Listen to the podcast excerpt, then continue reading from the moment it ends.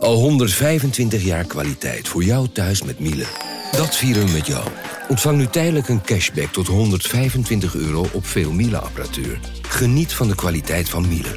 Voor perfect verzorgd wasgoed en kleding die veel langer mooi blijft. Voor een stralend schone vaat, even perfect als jouw diners. En een stofvrij thuis waarin echt hygiënisch schoon de standaard is. Check miele.nl voor alle feestelijke aanbiedingen.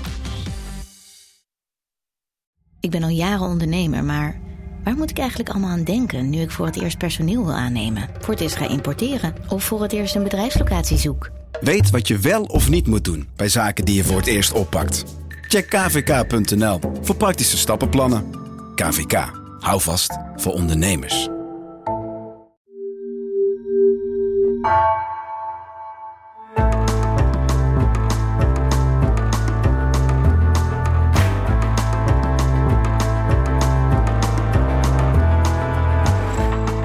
Welkom bij het uur. Als longarts moest hij zijn patiënten vaak vertellen dat hun dagen geteld zijn. Hoe vertel je dat eigenlijk? En dan verder, wat kan een dokter nog doen als hij je niet meer beter kan maken? Het is inmiddels zo'n beetje het levenswerk van Sander de Hosson geworden. Leven toevoegen aan de dagen, zoals de titel van zijn boek luidt. Het is een bestseller geworden. Artsen redden levens, maar weten zich amper raad met de dood en met sterfelijkheid. En uiteindelijk zijn we allemaal sterfelijk. Welkom bij het Uur met Sander de Hosson.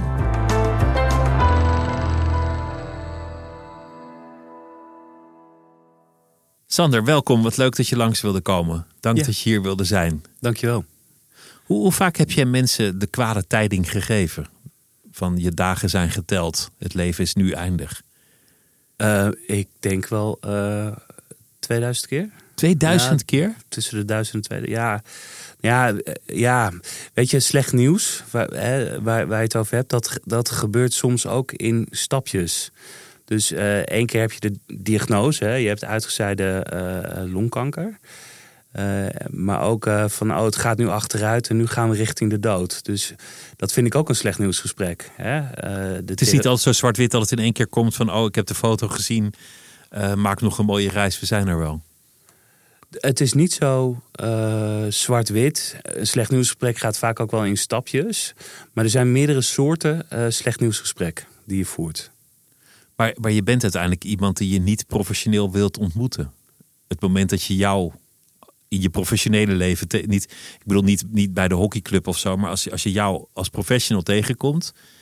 is dat meestal slecht nieuws. Ehm, nou, nee, ook heel vaak niet. Hè. Ik ben een allround longarts, dus ik behandel ook mensen met een longontsteking. Nou, als je een he- hele heftige longontsteking eh, hebt, dan wil je me graag ontmoeten. Dan ben je blij dat je komt. Ja, nee, zeker. En, en ook longembolie en astma. Dus ik behandel heel veel verschillende longziekten. Maar mijn vak heeft eh, behandeld longkanker of longfibrose of COPD. En dat zijn allemaal ziektes die uiteindelijk een dodelijke afloop hebben. Als het echt een slecht nieuwsgesprek is... heb, heb je daar een methode voor? Ja, eh, en dat ontwikkel je ook heel individueel. Dat ontwikkel je ook helemaal zelf. Dat is ook iets wat bij jou als dokter past. Eh, er zijn wel echt een aantal eh, nou ja, dringende adviezen of een soort, soort dingen die we allemaal doen. En een daarvan is bijvoorbeeld in één keer het slecht nieuws brengen. Niet minutenlang over eh, ja, wat er allemaal gebeurd is en wat er te zien is. Nee, daar zitten mensen niet op te wachten, want mensen weten vaak dat eh, er slecht nieuws aan zit te komen.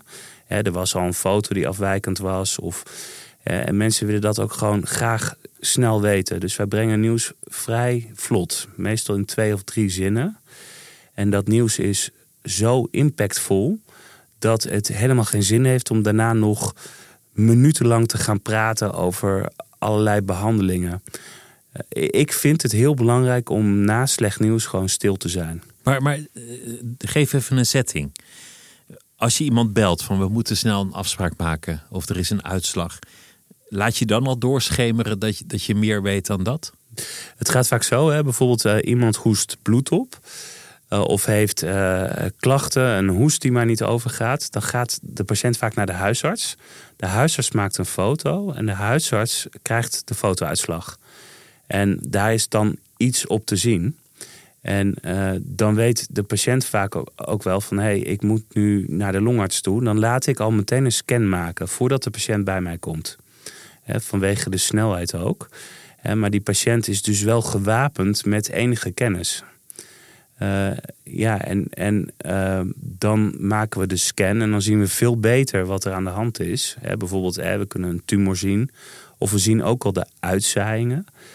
Ehm, en in dat eerste gesprek vertel ik wel altijd eerlijk van... Hey, dit is wat ik zie op de, op de scan. En daar ben ik, zeker als er uitzaaiingen te zien zijn, ook wel vrij eerlijk over. Zeg je dan, ga eerst even zitten of neem wat te drinken... of is het gewoon meteen met de deur in huis vallen? Uh, ja, het is in een spreekkamersetting. Uh, dus uh, mensen zitten in de wachtkamer te wachten. Ik zorg wel altijd dat ik op tijd loop. Zeker voor dit soort gesprekken. Dat mensen niet nog minuten tegen een tikkende klok aan zitten te kijken. ja, ik, ik nodig ze uit in mijn spreekkamer. Ik ken ze dan dus vaak ook nog niet. dat is natuurlijk wel lastig. en dan vertel ik vrij snel wat er op de scan te zien is. Ja. En eventueel dus ook de, de kwaadste diagnose van nou, dit is niet meer te behandelen of dit ziet er heel slecht uit of nou ja, wat, wat het nieuws ook is. Uh, iemand is altijd te behandelen. Het woord uitbehandeld vind ik echt uh, een misvatting. Oh, dat dus, is interessant. Ja, daar moeten we misschien later over hebben. Dus iemand is altijd te behandelen. Niet te genezen, maar wel te behandelen. Zeker. Uh, en um, daar gaan we in dat eerste gesprek. Hè, kijk, als het echt heel duidelijk is. Hè, ik, ik zie een leven vol met uitzaaiingen. Dan vertel ik wel dat iemand daar uiteindelijk aan zal gaan overlijden. Ook in dat eerste gesprek al. Wat, wat zie je daarna aan de andere kant van de tafel? Want je zei daarna, laat ik het liefst in stilte vallen. Niet meteen over allemaal behandelplannen beginnen, maar laat het nieuws even indalen. Eh, eh, verdriet verdriet is er natuurlijk. Hè. Het, is een, het is een live event van de hoogste klasse. Uh, te horen te krijgen dat je, dat je dood zal gaan aan een ziekte. Dat, dat is verdriet. En niet alleen bij uh, degene die het betreft, maar uiteraard bij iedereen die om hem of hem haar heen staat. Uh, diep verdriet, dat is wat je, wat je ziet. er wordt wel eens gezegd, er zijn hele, heel veel soorten reacties. maar meestal zijn mensen gewoon stil. Soms huilen ze. Uh, en dat is eigenlijk wel een vrij uniforme reactie, uiteraard. Heel begrijpelijk.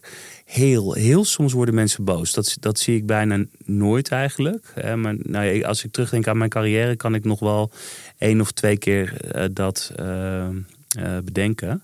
Op wie werden ze boos? Of, of, of op, op, het lot? Het lot, de situatie. Misschien op mij dat ik niet snel genoeg een scan gemaakt had. Nou, dat, dat kan een reactie zijn dus, dus er is wel enige, ja, er, zijn wel verschillende reacties. Maar wat ik ook bijvoorbeeld wel eens zie, is dat er berusting is. ik, ik had laatst een man van, nou, die was 85 jaar en hij kreeg de scanuitslag. En hij zei, wat fijn, want dan ga ik eindelijk dood, zei hij. Hij, hij was wel klaar met, met zijn leven. Hij dacht, dit is misschien wel een, een mooi moment. Ja, ja hij, had, had een goed leven gehad en uh, er was echt berusting. En uh, uiteraard wilde hij niet nog een behandeling met, met medicijnen. En daar, hebben, daar kan je dan ook heel uitgebreid uh, over praten. Wat doe jij in de tussentijd tijdens het zwijgen? Als iemand zit te snikken of, of iemand is misschien wel boos of kan het nog niet helemaal bevatten. Je kan je elke reactie misschien voorstellen. Wat doet de dokter intussen? Ben vooral aan het kijken van hey, hoe wordt er gereageerd. Ik ben aan het kijken waar ik straks in het verdere gesprek sturing aan zal geven. Ik, ik denk natuurlijk ook na over hoe dat gesprek vormgegeven gaat worden. Hè. Hoe, ik, ik kijk echt goed hoe iemand reageert en wat op dat moment van belang en van waarde is eigenlijk. Uh. En soms zijn er mensen die zeggen, nou weet je, uh, die, die, je, je, ziet gewoon vaak vuurwerk in het hoofd. Of althans, dat zie je niet, maar dat, je weet dat dat er is. Um, en ik probeer heel erg na te gaan en te vragen van wat heb je nodig nu? Um, ja, dat is, ik observeer eigenlijk. Wat hebben mensen nodig? Nou, vaak hebben ze helemaal niets nodig, want het is zo'n kortsluiting in het hoofd dat het echt niet zinnig is. En dat weet ik echt uit heel veel ervaring, dat het niet zinnig is om inderdaad al die behandelingen uh, of, of alle diagnostiek, hè, onderzoeken die nog moeten gebeuren om dat nou door te nemen. Dus dat probeer ik kort en bondig uh, te houden. En dan vaak uh, af te spreken van hey, volgende week of desnoods morgen praten we nog een keer. En dan gaan we het hebben over de verdere behandeling exact. en het verdere plan. Exact. Weet je nog de eerste keer dat het jouw taak was om, om, om het nieuws te, te breken bij iemand? Het gaat heel vaak in een. Uh, eerst zit je erbij hè, als, als co-assistent. Dan, dan kijk je hoe uh, een, een arts dat, dat doet. En als, zeker als je in opleiding gaat, leer je natuurlijk ook zelf slecht nieuwsgesprekken doen.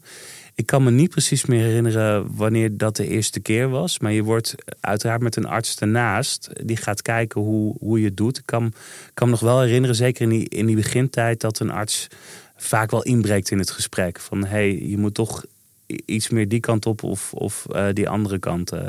Dus daar word je wel echt in gecoacht. Dus je doet het gesprek in het begin echt met z'n tweeën. Ja, en er zal een dag komen dat je alleen in die kamer met de patiënt en zijn familie zit. Uh, en dat is natuurlijk heel spannend. Maar dat, dan heb je wel echt al behoorlijk veel gesprekken semi-zelf gedaan, om het zo maar te zeggen. Toch is het beter om het te vertellen dan om het niet te vertellen. Dan om er omheen te draaien, dan het uit te stellen van de kant van de dokter kan ik me wel voorstellen dat je dat zou doen. Dat je, dat je het voor je uitschuift. Dat je, dat je misschien valse hoop geeft. Dat je misschien openingen biedt. Dat, dat, je, dat je eigenlijk zo lang mogelijk wil wachten met zeggen: ja, je gaat dood. Ja, ik heb dit herken ik niet eigenlijk. Nooit gehad? Nee, nee, ik heb dat ook nooit gehad. Dat, dat is, ik heb eigenlijk altijd geleerd dat snelle eerlijkheid echt wel heel belangrijk is. En um, uiteraard is hoop belangrijk, want we kunnen, een, we kunnen medicijnen geven die het leven gaan verlengen. Die, die ook de kwaliteit van het leven gaan verbeteren. De, de, de kanker wordt kleiner, waardoor je minder klachten hebt. Dat is ook hoopgevend. Het hoeft niet altijd leven of dood te zijn. Nee, het hoeft niet altijd, hoop hoeft niet altijd over leven en dood te gaan. Het gaat ook over kwaliteit van leven. Dat is ook hoopgevend. En ja, je hebt nu natuurlijk nu bij longkanker uh, nieuwe therapieën, immunotherapie. Dus sinds een jaar of vijf, zes, zeven jaar hebben we dat. En je ziet dat in een subset van de patiënten, ik denk uh, één op de vijf, dat er langdurige overleving te bereiken is. Dus dat is ook, dat is ook nieuw binnen, binnen longkanker eigenlijk. Dus dat we een deel van de patiënten echt langdurig uh, de ziekte kunnen stopzetten. Maar, maar de neiging om, om slecht nieuws uit te stellen, die is heel menselijk. Ik heb wel eens een kras in iemands auto gereden. Iemands auto geleend. En toen moest ik hem vertellen dat er helaas een paaltje stond. Dat ik over het hoofd had gezien. En, en dat, dat nieuws heb ik toen achteraf gezien te lang voor me uitgeschoven. Ja, en dat kwetst vooral jouzelf. En dat, dat is voor alle partijen de minst gunstige strategie om dat nieuws uit te stellen. Je kan beter bellen stond de paaltje, zit een kras, we gaan het oplossen. Ja, ik kan beter vertellen, u heeft uh, een ziekte die uitgezaaid is waar u uiteindelijk aan zal sterven. Want, want mensen zullen ook de neiging hebben om elk sprankje hoop, elke alternatieve behandeling, elk percentagetje te omarmen. Om het probleem te ontkennen. Dat zie ik heel zelden. Dat mensen echt tot het gaatje gaan. Echt kwaliteit van leven inboeten uh, en toch nog een behandeling willen. Um, ik, ik, kan me nog één geval herinneren van een, uh, een man van, die was 4, 45 jaar oud. Die had uitgezaaide longkanker. Die had twee jonge dochters. En die man die is echt doorgegaan en doorgegaan. Ook nog in een academisch ziekenhuis behandeld geweest. Weer teruggekomen bij mij voor eigenlijk een soort hopeloze chemotherapie. Die ik echt met pijn in mijn hart gegeven uh, heb. Want die man die viel nou ongeveer uit elkaar. Er was zoveel ellende. En op een gegeven moment ging het zo slecht met hem. Uh, dat we echt niet verder konden. Hij had, had nog een chemokuur gekregen. Maar hij wilde zo graag leven en bij zijn dochters blijven. En, dat en was ik, de reden voor dat leven nog willen verlengen. Ja, ja, dat was zijn. Hij wist ook dat hij dood zou gaan, maar hij wilde dat dat zo lang mogelijk duurde. En ik vond het zo. Ik vond de, de kwaliteit van zijn leven werd zo matig. Dat dat natuurlijk. Dat deed mij echt pijn als dokter om dat te zien. Alleen ook ik kon niet op die rem trappen. Omdat ik ook wilde dat hij nog zo lang mogelijk met zijn dochters uh, uh, had. Dat is heel ingewikkeld, vond ik dat.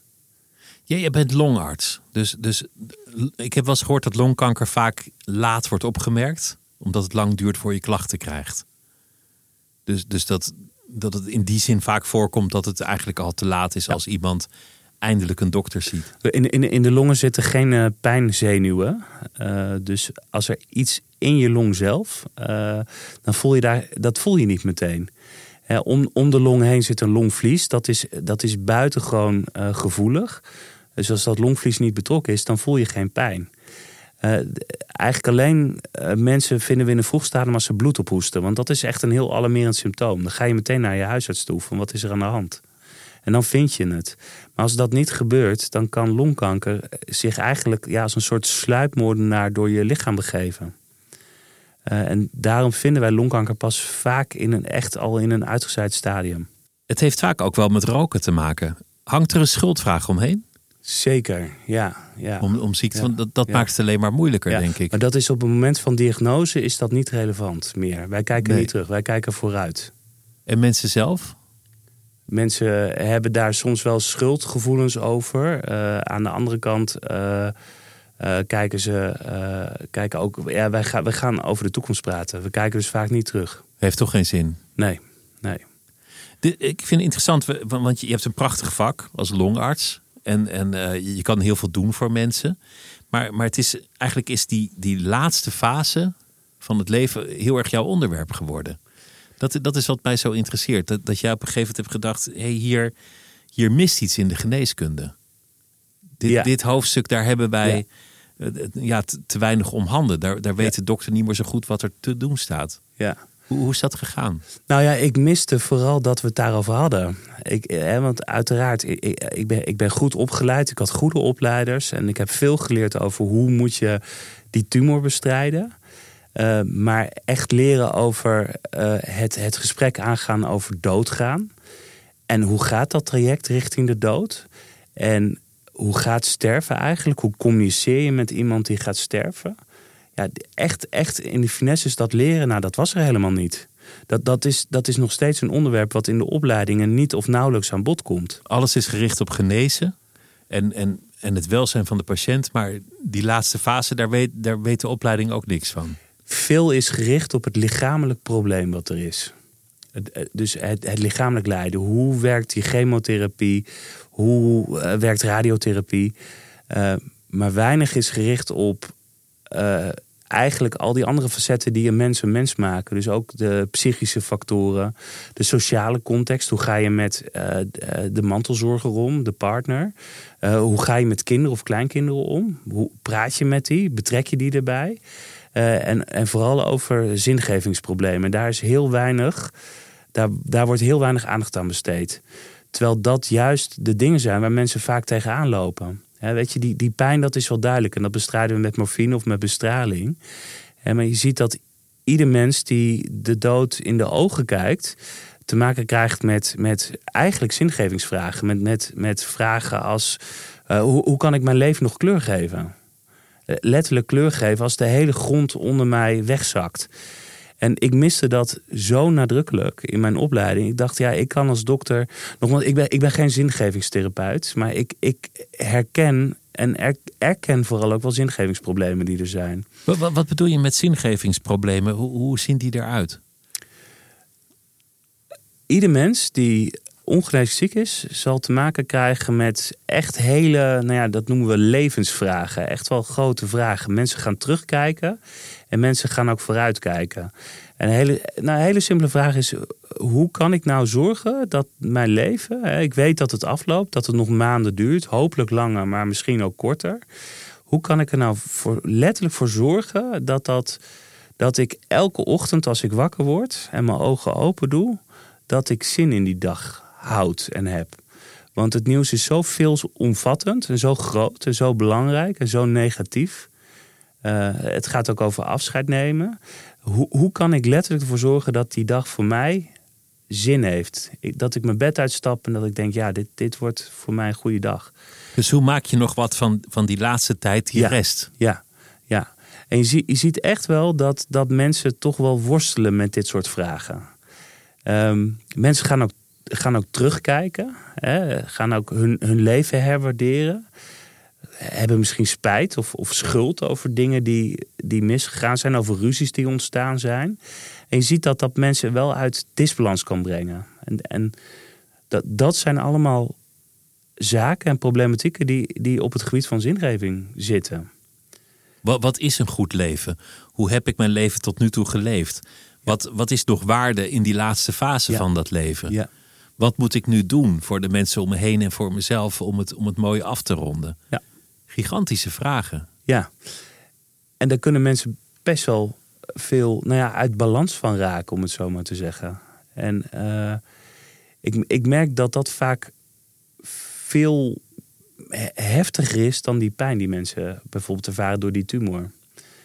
Nogmaals, als dokter ben ik zou ik heel erg gefocust moeten zijn op, op die lichamelijke klachten. Maar ik vind dat al die andere aspecten eh, net zo belangrijk zijn. En dat vindt niet alleen ik, maar dat vindt iedereen binnen de palliatieve zorg. Dat we eh, niet, niet eh, een, een ziekte behandelen, zelfs niet een zieke behandelen, maar dat we een mens tegenover ons hebben. Wat kan een dokter doen als, als het echt gaat over zingevingsvragen? Ik had een, eh, een keer een vrouw tegen, eh, op mijn afdeling, een vrouw van eh, begin 60. Ze had eindstadium COPD, hè, longfalen. Ze ging ook richting de dood. Ze was heel slecht. En die vrouw die had ontiegelijk veel pijn. Ontiegelijk veel pijn in haar rug. En ik had een foto gemaakt en ze had allemaal ingezakte wervels. Dus ik snapte dat ook. Alleen, ik gaf haar morfine en ook uiteindelijk in hoge doseringen, maar daar reageerde ze totaal niet op. En ik had een. Ik, ik liep vast in die casus als, als, als dokter. En ik, ik heb haar in het palliatief, palliatief team besproken. En er zit een hele groep zorgverleners die met mij meekijkt. Waaronder geestelijk verzorger. En die zei: Sander, ik ga met jou mee. En we zijn na die, na die vergadering naar die vrouw toegelopen. Ze ging naast die vrouw zitten. En ze vroeg niet hoe gaat het met de pijn. Ze, ze vroeg hoe gaat het nou met, met u. En, en ik denk, die vrouw begint over die pijn. Die vrouw die begon over, over haar dochter. Waar een groot conflict mee was. Een ontzettend onzinnig conflict. Zoals zo vaak conflicten onzinnig zijn. En dat was hoog opgelopen. Het ging om iets kleins, maar het was hoog opgelopen. En uiteindelijk eh, ha- had ze haar dochter maanden niet gezien. En ook haar kleinkinderen niet meer. En terwijl ze dus, hè, ik wil niet zeggen dat ze al stervende was, maar het ging heel slecht met haar.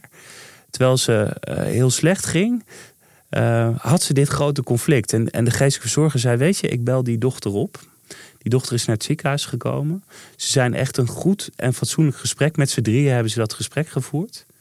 En die ochtend daarna kom ik bij die vrouw. En ze zegt: Dokter, mijn pijn is weg. Wat ik met al die morfine niet kon bereiken, kreeg die geestelijke verzorger door gewoon echt naar alle deelgebieden van de palliatieve zorgverlening te kijken, kreeg zij wel voor elkaar.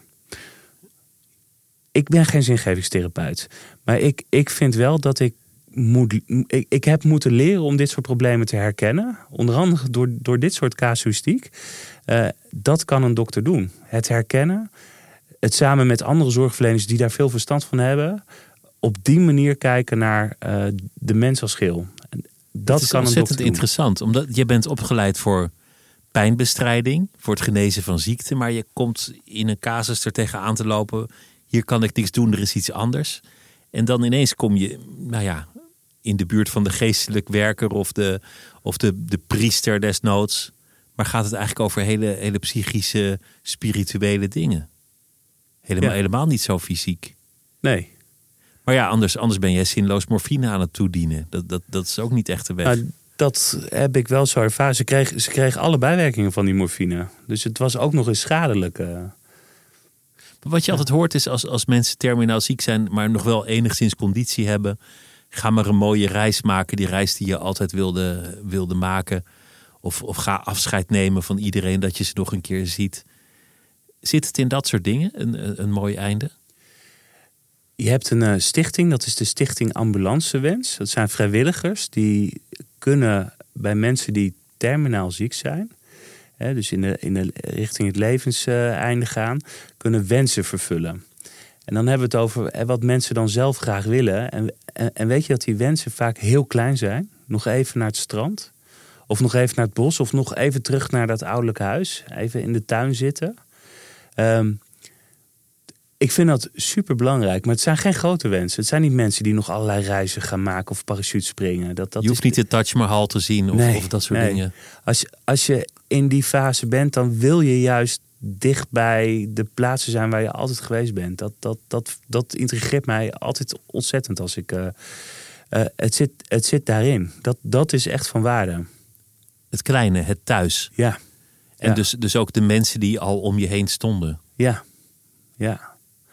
ja, ik vind het altijd wel heel mooi om dit soort gesprekken te voeren. Omdat mensen laten je dan ook toe hè, in, die intimiteit van dit soort gedachten. En het gaat vaak over vriendschappen die mensen niet onderhouden hebben. Van had ik dat nou, had ik dat nou maar wel gedaan? Dat, ja, ik vind het altijd heel, heel leerzaam eigenlijk ook. Het zijn ook wel soort, ik, ik denk ook altijd, dit zijn ook wel boodschappen van stervende aan de levende. Waar gaat dit leven nou echt over?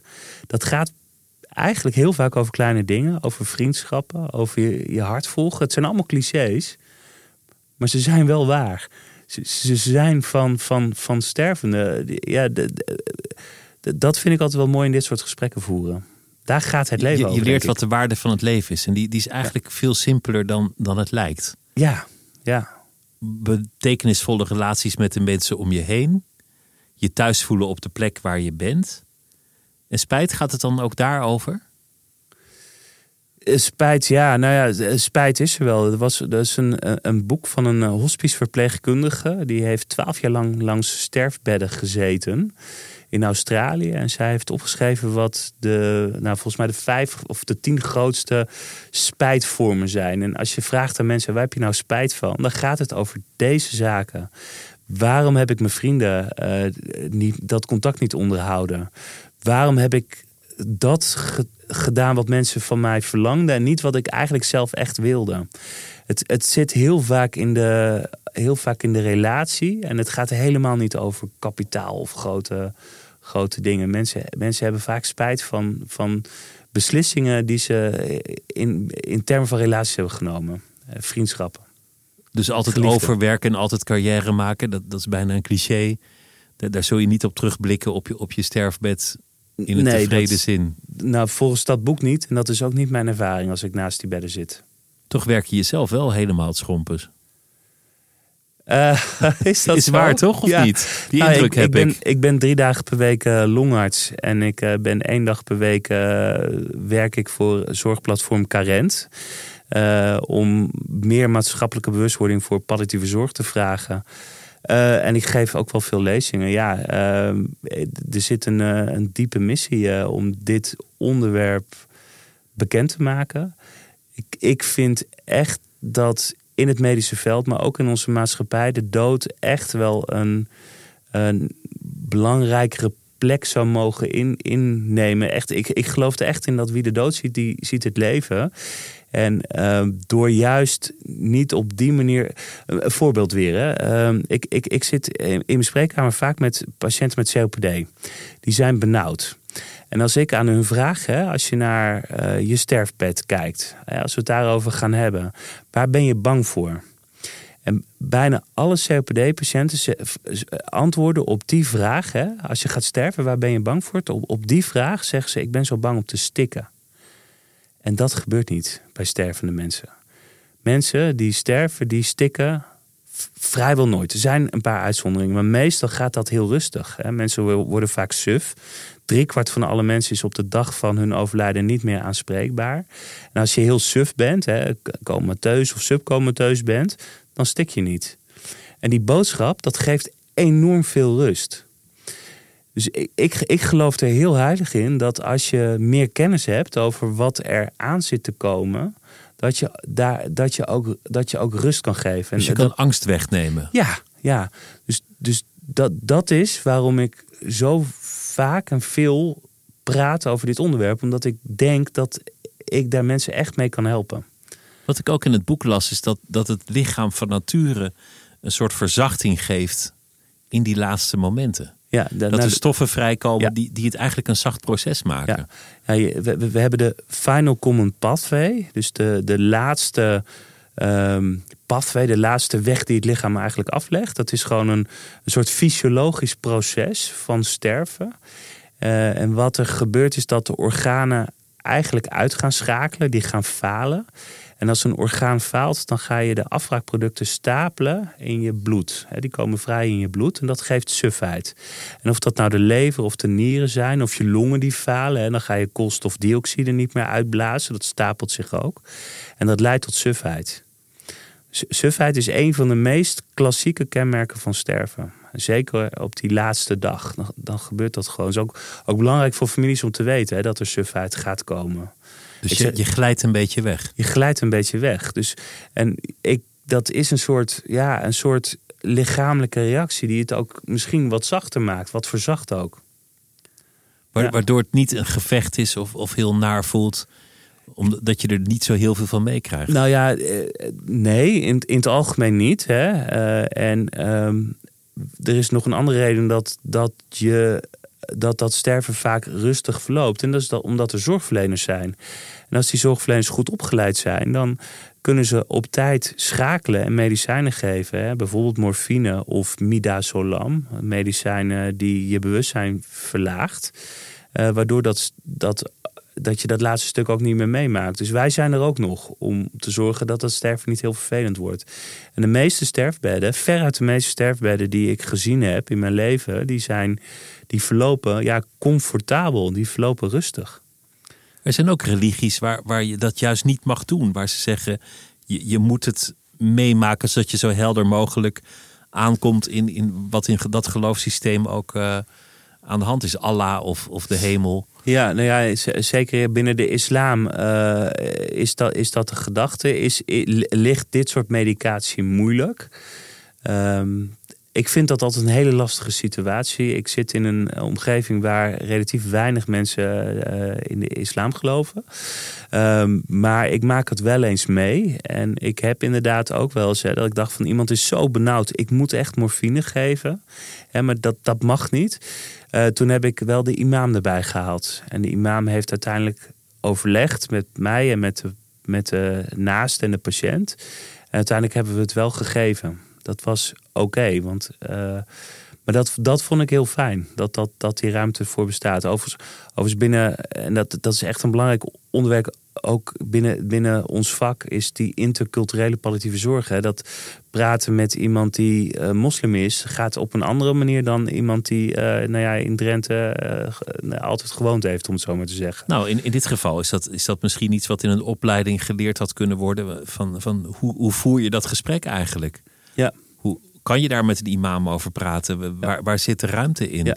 Had je daar van tevoren misschien al rekening mee kunnen houden dat dit probleem zou gaan spelen ooit? Ja, nou binnen, binnen de palliatieve zorg komt hier gelukkig ook hier uh, veel meer aandacht voor. Er zijn uh, echt wel veel, uh, met name geestverzorgers, die ons echt trainen. Hoe voel je dit gesprek op de goede manier? Als je tegen een moslim zegt van u gaat sterven of u gaat dood, dan sterft hij in principe al op dat moment. Dus dat moet je niet op die wijze zeggen. Dan moet je veel. Dan zeg je: het gaat heel slecht met u. Dat is vaak dan al voldoende. En dat zijn toch dingen die ik gewoon niet wist en wat ik echt heb moeten leren. En wat hoe bedoel je, hij sterft op dat moment? Dan... Ja, dan, dan is voor hem het einde op dat moment al aanwezig. Uh, zo, zo, zien moslims dat. Dus dat, dan ben je al een beetje dood. Ja, dus binnen de moslimcultuur is het echt not dan om op die manier uh, met elkaar te praten. En als ik zeg het gaat heel slecht met u, dan zijn er ook al voldoende clues om, voor, voor, zo iemand. Maar ja, dat weet, je van, dat weet je niet als je die cultuur niet goed kent. Dus wij worden daar wel echt wel in getraind. En dat is echt wel belangrijk, die cultuursensitiviteit. Eh. Wat mij opvalt aan de dingen die je vertelt, is dat het relatief kleine dingen zijn die een enorm groot verschil kunnen maken voor mensen in die laatste fase.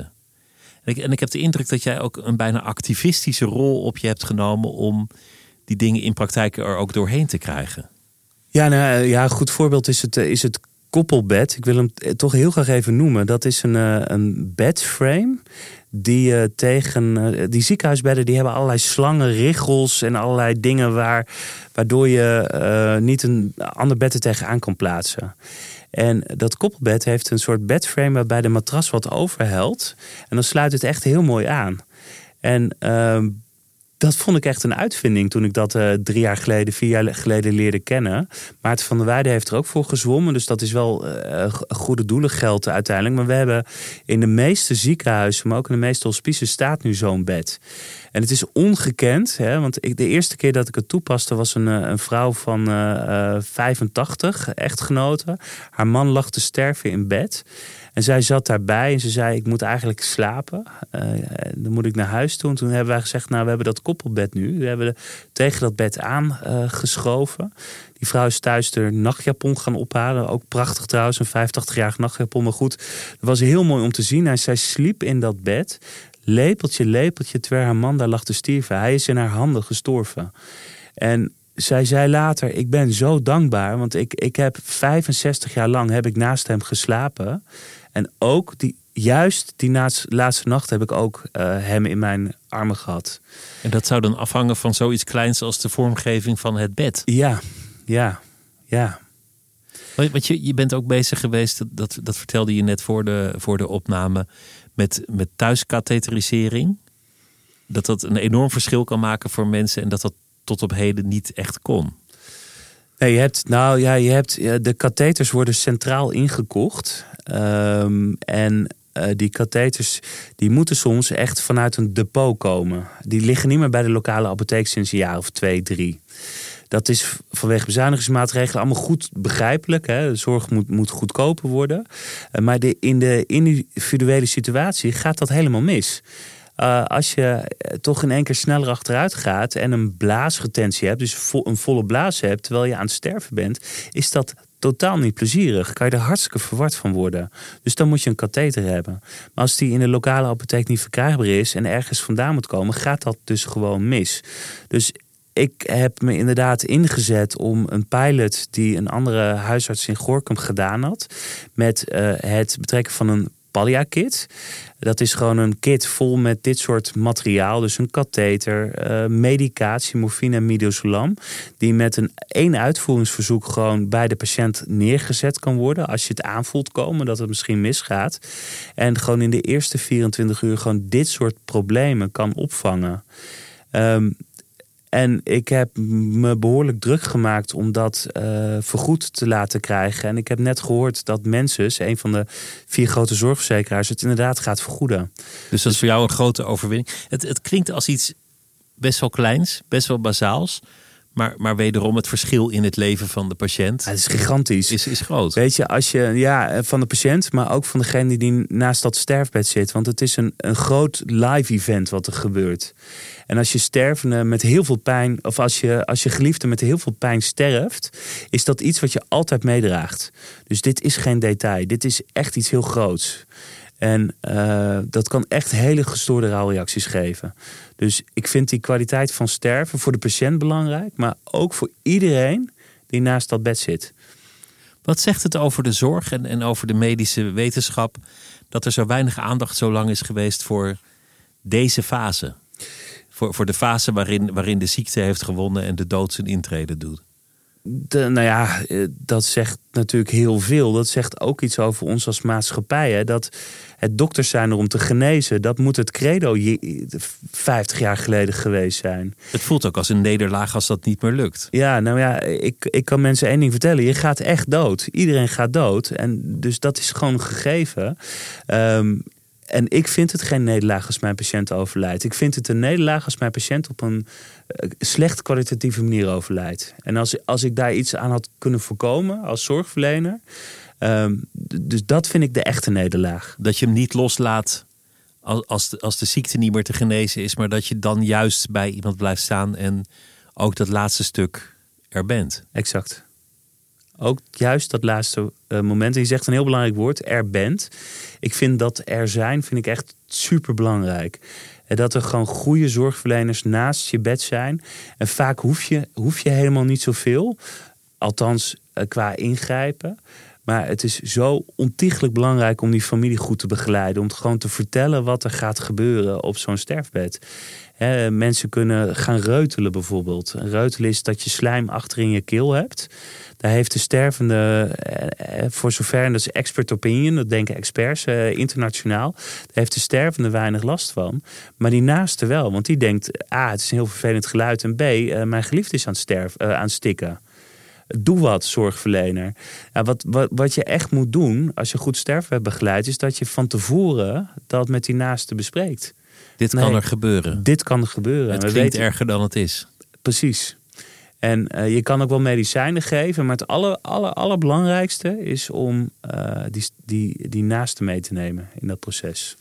Ik heb ook wel verhalen gehoord van dokters die het verkeerd vertelden, of, of misschien lomp of te terloops, of te lang wachten met het echte nieuws te vertellen, dat, dat het allemaal niet meer ging werken. En die daarna niet meer zo goed beschikbaar waren, omdat ze dachten: ja, ik kan toch niks meer doen.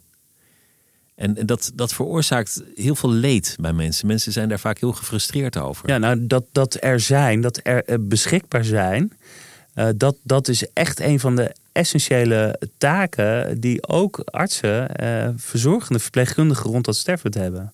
Want het kan inderdaad leed en, en eenzaamheid ook. Van oh jee, en nu, weet je, alles is nieuw hè. Alles is nieuw. Dat, dat sterfproces is, voor, is, is voor, voor heel veel mensen nieuw. Vier op de tien mensen die naast een sterfbed zit, heeft nog nooit een stervend lichaam gezien. En ook als je het wel gezien hebt, en zelfs als je ervaren bent, want ik heb mijn beide ouders zien gaan. Ik heb, bij beide ouders heb ik naast een sterfbed gezeten. Maar ik heb ontzettend veel gehad aan de mensen die uh, mij daar begeleiden en daar dingen aan mij vertelden. Sanne, weet je nog, dit kan optreden. Reutelen of, of die ademstops kunnen optreden. Dat is best wel gek. Mensen gaan stoppen met ademen en ademen dan in één keer door. Je krijgt, je krijgt soms een raar adempatroon. Of, of het gezicht gaat er anders uitzien. Mensen krijgen de hele spitse neus of spitse kaak. De, de, de eh, wangen gaan invallen. Dus mensen gaan er echt anders uitzien. Het is ook, ook fijn als je dat van tevoren weet. Dat je daar ook even op voorbereid bent. En uh, dat ook, dat is bij, zelfs bij mij gebeurd. Ik heb daar veel aan gehad, moet ik zeggen. En dan nog de moeilijke keuze: euthanasie of geen euthanasie. Uh, wacht je het helemaal af? Ja, euthanasie ligt wel, hè, want we hebben het nu. Ik denk dat het heel belangrijk is om, om nog even één statement te maken: dat palliatieve zorg veel breder is dan alleen de zorg in de stervensfase. Palliatieve zorg begint eigenlijk op het moment dat die diagnose uh, uh, gesteld is. Die zorg in de stervensfase is de laatste twee weken. Euthanasie gebeurt eigenlijk nooit meer als iemand stervende is. Dat, dat willen mensen soms wel. Hè? Van dokter, het gaat zo slecht mee. Ik, met me, ik wil nu een spuitje. En ik heb bij de huisarts al een verklaring getekend.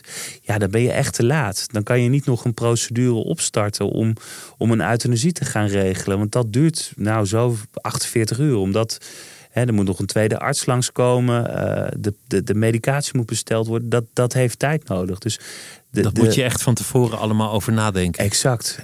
En je moet wilsbekwaam zijn. Hè? Nou, als je gaat sterven, dan gaat je wilsbekwaamheid uiteraard ook naar beneden. Uh, euthanasie is iets wat je eerder moet, dat, eerder moet opstarten eigenlijk. En eigenlijk niet in die, in die stervensfase. Dan ben je eigenlijk gewoon te laat. Dat zou een dokter ook moeten vertellen op het moment dat de genezing er niet meer in zit. Exact, ja. ja dat, dat zijn wel dingen. Hè, dit, en dat noemen we proactieve zorgplanning. Dat is ook wel iets wat we echt zijn gaan doen. Wat we misschien nog veel meer moeten doen. En niet alleen bij kanker, maar ook bij orgaanvalziekten zoals COPD en hartfalen. Hè, veel grillig beloop. Maar dat, dat gesprek aangaan hè, over wat vind je nou echt belangrijk. Nu, over een paar maanden, maar ook rond je sterfbed. En, en dat kan gaan over de vraag: uh, is, is euthanasie voor jou iets wat je, wat je uiteindelijk wil? Um, tot, tot de uitleg van waar wil je overlijden en dat we daarop voortbeduren. En dat we dat niet allemaal om vijf voor twaalf nog doen. Uh, ook, ook van ja, wil je nog wel of niet gereanimeerd worden? Wil je wel of niet beademd worden? Of wil je wel of niet meer naar het ziekenhuis? Dat hoort allemaal tot, tot dat soort gesprekken. Want als je het op vijf voor twaalf moet doen, als het allemaal heel snel achteruit met je gaat, ja, dan ben je te laat. En dan wordt het, dan, dan wordt het vaak een, eh, een, een, grillig beloop. Met veel problemen. Dus je moet van tevoren eh, moet je dit gesprek gewoon met elkaar voeren. En dus moet de dokter dat ook organiseren. Ik heb, ik heb wel eens gehoord dat, dat elke eerstejaars geneeskunde, als hij het handboek tentamen heeft gehad, of een tijd hypochonder wordt. Dat hij, dat hij de hele dag denkt dat hij al die kwalen zelf ook heeft. Of dat ze een soort complex ontwikkelen als een soort god. Dat, dat ze denken dat ze het allemaal niet zullen krijgen. Eh, heb jij zulke ervaringen gehad? Nou, ik heb de, ja, die eerste ervaring ken ik wel. Dat je iets had, dacht je, oh jee, nou heb ik... Het zal wel dit zijn, Nou, iets Latijnse zeldzaams. Ja, nou, nou heb ik kanker of zo. Dat heb ik toen ik twintig was. Wat gewoon... Ja, nee, dat, dat krijg je altijd wel. Eh, ja. Omdat je natuurlijk eh, door een fase heen moet waarin je al die ziektes een keer uit je hoofd moet leren. Ja. Ja. Dus, dus ga je ook bij al die ziektes even denken, ben ik het? Ja. Hoe, hoe ga je daar uiteindelijk mee om als je, als je arts bent en gewoon gezond... om de hele dag in een wereld van ziekte en sterfte te leven? Eh, je went daar heel makkelijk aan. Dat is, Hoe- hoe dat is werkt dat? gek. Weet ik niet. Nee, ik weet vooral dat ik zit er wel eens over na te denken. Als ik dit niet zou hebben, hier, hiermee om kunnen gaan, dan kan ik dit vak natuurlijk niet doen. Eh, het went heel erg. En Je, ook- je moet wel wennen, anders, anders wordt het gewoon Ja. een heel lange zit. Ja, en ik heb soms echt de meest verschrikkelijke situaties meegemaakt. En als je dan wegrijdt uit het ziekenhuis. En ik heb het voordeel dat ik 20, 25 minuten in de auto zit als ik naar huis rijd. En de muziek heel hard aan kan doen. Als er echt hele vervelende situaties zijn geweest, dan, dan verlies ik dat soort verhalen ergens onderweg. Eh, door, en, ik bedoel, en dan kom ik in een jong gezin. Ik heb twee jonge kinderen. Eh, ja, dan, eh, dan moet ik daar ook niet meer mee bezig zijn, vind ik. En dan ben ik ook niet meer. Dat is heel raar. Het, is, het is toch ook gewoon werk, Het uiteindelijk. is, het is mijn baan, ja. En ik, de deuren van het ziekenhuis zijn ook de deuren van mijn... dan sluit ik het ook vrij vlot af daarna. Heeft het toch iets veranderd aan je eigen leven? Als je, als je zo vaak mensen treft in zo'n wezenlijke fase, op zo'n wezenlijk moment. Ja, ik, ik zit er wel eens over na te denken. Hè, want iemand vroeg laatst ook van... ben je nou bang om dood te gaan? En eerlijk, het eerlijke antwoord was... nee, dat ben ik niet. Eh, maar sinds ik kinderen heb, ben ik wel bang om dood te zijn. Eh, Om voor er niet te zijn voor ja, de kinderen. exact. Dus de, de, de angst heeft zich veranderd. Ik, ik, heb, ik heb geleerd dat ik niet bang hoef te zijn voor het proces van doodgaan. Maar de komst van mijn kinderen gaf mij wel die vrij existentiële angst. Dat als ik. Ik wil bij ze blijven tot ze in ieder geval 18 jaar zijn. Dat ze op hun eigen benen staan. Dat heeft het wel veranderd, denk ik. Ja. Dat lijkt ook op wat je eerder vertelde over, over degene die maar door bleef behandelen en nieuwe chemo's aanvaarden. Om die dochters maar Ja. eh, ja, een, een flink stuk te zien opgroeien. Ja. En nogmaals, ik vind dat zo invoelbaar. Eh, dat snap ik zo goed. Ehm, maar ik gun het die dochters ook om afscheid te kunnen nemen van de vader die ze vroeger gehad hadden. Dus, en niet van een, iemand die eigenlijk Niet een karkas kan. die, die, die amper Ja. nog leeft. Exact. Die alleen nog maar lijdt. Ja, ja. Dat had ik denk. Ik denk dat ik nu ik terugkijk, dat ik eerder gezegd had van hé, hey, we moeten echt stoppen. We hadden eerder moeten stoppen. Neem nou afscheid nu je nog goed afscheid kunt nemen. Bespaar jezelf die lijdensweg. Ook, ook dat gesprek hoort dus bij, bij een, een dokter-patiëntrelatie. Ja. Heel intiem, dat, dat gesprek. Veel van dit soort gesprekken zijn heel intiem, denk ik. Ja. En heel individueel. Ja. Geneeskunde, ja, de naam zegt het al. Dus de kunst van, van het genezen. Dat, dat is gewoon de visie van je hebt iets wat eraan mankeert. En als dat er niet is, ben je gezond. En als dat er wel is, ben je ongezond. En wij gaan datgene wat jou ziek maakt weghalen. En, en daarna ga je weer terug eh, je leven in. Dat is eigenlijk best een beperkte kijk op, op dat vak, als je het zo ziet. ja. De- Maar het is wel de essentie ervan, vrees ik. Het is wel de essentie, ja. Ja, ja nou ja, goed. Dat vindt men. Ik vind dat we daar een weeffout in gemaakt hebben. Ik denk echt dat er dat een bredere kijk. En ik, ik heb je dat verhaal verteld van die vrouw die zo'n pijn had. En dat bleek eigenlijk gewoon een, een zingevingsprobleem. Misschien een, sociaal, een probleem in de sociale context te zijn. Eh, ik, ik denk dat het een te kortzichtige kijk is. Eh, om te denken, dit is alleen een lichamelijk probleem. En als we die oplossen, dan is het klaar. Ik denk echt dat eh, een bredere kijk je echt tot een betere dokter maakt. Dus, dus lichaam en geest zijn niet gescheiden. Leven en dood eh, ze zijn niet gescheiden in strikte zin. Maar eigenlijk ook de grens tussen gezond en ongezond ligt anders. Ja, Als je het zo beziet. Ja, wat bedoel je daarmee? Nou, dat we zeggen nu, je hebt een ziekte, dan ben je ongezond. Heb je geen ziekte, dan ben je gezond. Ja. Is de ziekte genezen, dan nemen we afscheid. Ja. Eh, we, we maken een diagnose, we kunnen niks vinden. Nou, dan is er ook niks aan de hand. Dus, dus dat, dat zijn allemaal best wel afgebakende taken voor de dokter. Ja. Ook een beetje gericht om het systeem niet volkomen te laten overspoelen. Nee, nee, dat is zo. En, en, en, en voor de duidelijkheid, eh, ik ben geen zingevingstherapeut. Dus ik, ik, En dat wil je ook nooit zijn. En dat wil ik ook nooit zijn, want dat is niet waar ik voor opgeleid ben, waar ik ook niet goed in ben. Maar ik vind echt wel dat ik een, dat ik een taak heb in het herkennen van het probleem. En dat ik ook mensen kan helpen om naar de goede zorgverlener doorverwezen te worden. En dat kan ook een verpleegkundige van een huisarts zijn, hè, die, die daar echt wel veel meer van af weet. Of een geestelijk verzorger, die daar gewoon iemand verder mee kan helpen. Het, het is niet echt aan de dokter, maar die moet er wel kennis van hebben. Ja. daar, komt het Ja. dan, daar komt het dan op Ja, je moet kennis van existentiële zorg noemen we dat. Zingevingszorg moet je gewoon, dat hoort bij het palet van een toponcoloog, ook van een toponcoloog. Bestaat er zoiets als een mooie dood? Wat is de definitie van de mooie dood? Ja, dat, dat, dat wil ik eigenlijk weten. Ah, ik had, laatst hadden we een, ehm, er, wa- was een kaartspel dat heet Kiezen en Delen.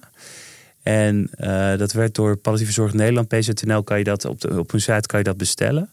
En het waren eh, een soort gezelschapskaarten waarbij je keuzes moest maken. Kon je, kan je gewoon, kunnen wij hier ook gaan doen. En één vraag was van hoe wil je in één keer dood zijn? Hè, dat, je, dat je gewoon eh, naar bed gaat en de volgende dag niet meer wakker wordt. Of wil je weten dat je doodgaat, zodat je nog weken of maanden de tijd hebt om afscheid te nemen? En als ik die vraag eens aan jou mag stellen. Ja, ik, ik zou denk ik kiezen voor in slaap vallen en niet meer wakker worden. Want dat is voor jou de mooie dood. Denk ik, ja. Ja. Dat je er niet bij bent als het gebeurt. Ja. Ik heb dat niet. Ik heb dat precies andersom. Ik wil namelijk, eh, zoals eerder gezegd, als, als ik ongeneeslijk ziek zijn en, en dood zou gaan, wil ik echt bewust van mijn kinderen afscheid nemen. Dat is voor mij dan de mooie dood. Dat, je, dat je de dood en daarmee al je geliefden in de ogen kijkt. Ja, ja. Dus wat is de mooie dood? Ik denk dat dat heel erg verschilt van mens tot mens.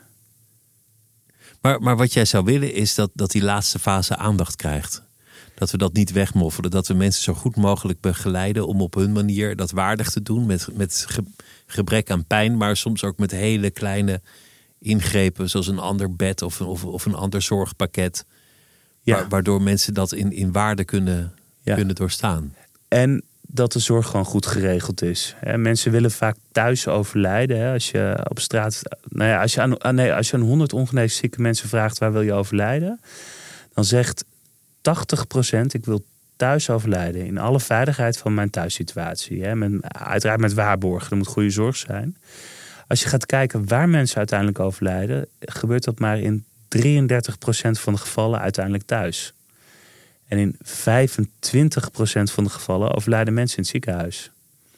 En dan ook nog eh, veel mensen in het verpleeghuis of in het hospice. Dus mensen overlijden vaak op een andere plaats dan waar ze dat van tevoren graag gezegd hadden dat ze dat graag zouden willen. Dus ook daar is winst te halen. Daar is winst te halen. En het zegt mij vooral iets over de grilligheid van die laatste fase. Dat een kwart van alle mensen uiteindelijk in het ziekenhuis overlijdt. En een deel is er iets acuuts. Hè, dan gebeurt er iets acuuts. En maar ik bedoel, ik ben dokter. Ik zie natuurlijk veel mensen overlijden in het ziekenhuis.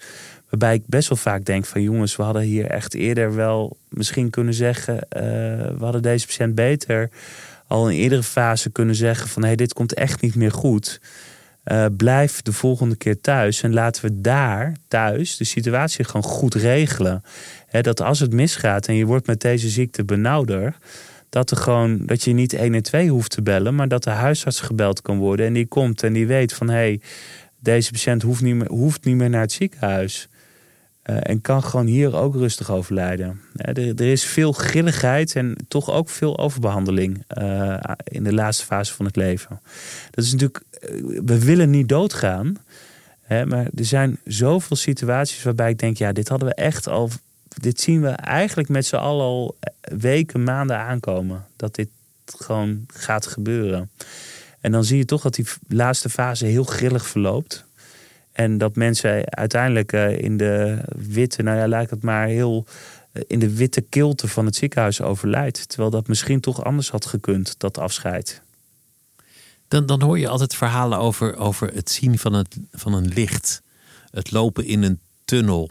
Een soort halo. Het leven dat nog één keer aan je voorbij trekt. Dat zouden best wel eens gewoon bijeffecten van het chemisch proces in je brein kunnen zijn. Ik heb hier niet zo heel veel kennis van. Ik, heb, ik, heb het, ik, ik hoor het ook wel eens. Ik hoor het uh, niet van mijn patiënten, uh, overigens.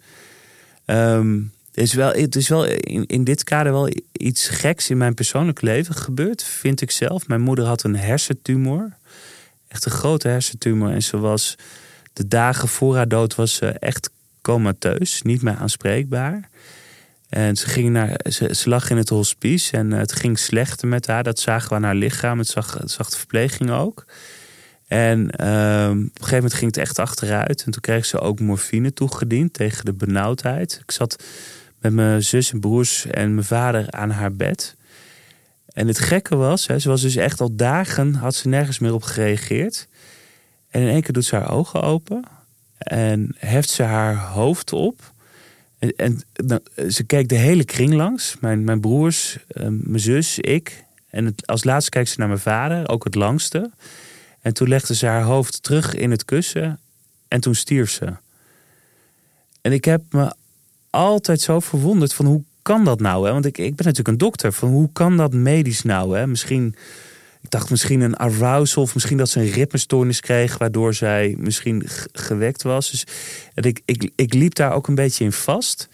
En op een gegeven moment leerde ik Ineke Vissers van het Landelijk Expertisecentrum Sterven uh, kennen... En zij zei, Sander, weet je, er zijn soms gewoon gekke ervaringen... en je wil daar graag een medische verklaring voor hebben... Maar laat het gewoon. Zonder te oordelen, laat het gewoon zo zijn wat het eigenlijk was. Namelijk een mooi afscheid. En daar heb ik echt rust van gekregen. Want ik heb het echt, ik zie het ook echt als een mooi afscheid nu. Ik heb nog even contact gehad met, uh, met mijn moeder. Wat mooi. Ja.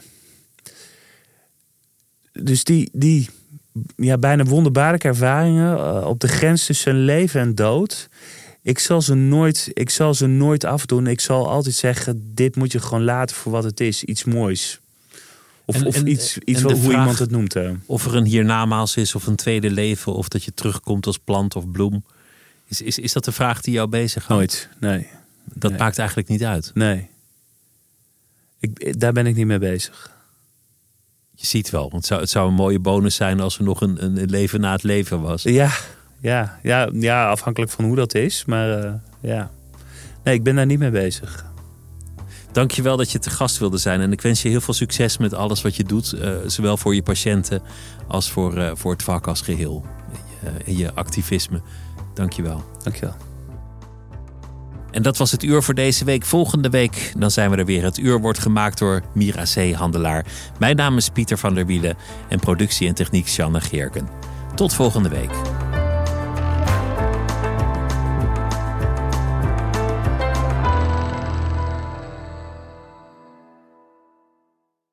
Technologie lijkt tegenwoordig het antwoord op iedere uitdaging.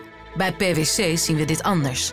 Als we de potentie van technologie willen benutten, kunnen we niet zonder een menselijk perspectief. Human-led, tech-powered noemen we dat. Ga naar pwc.nl.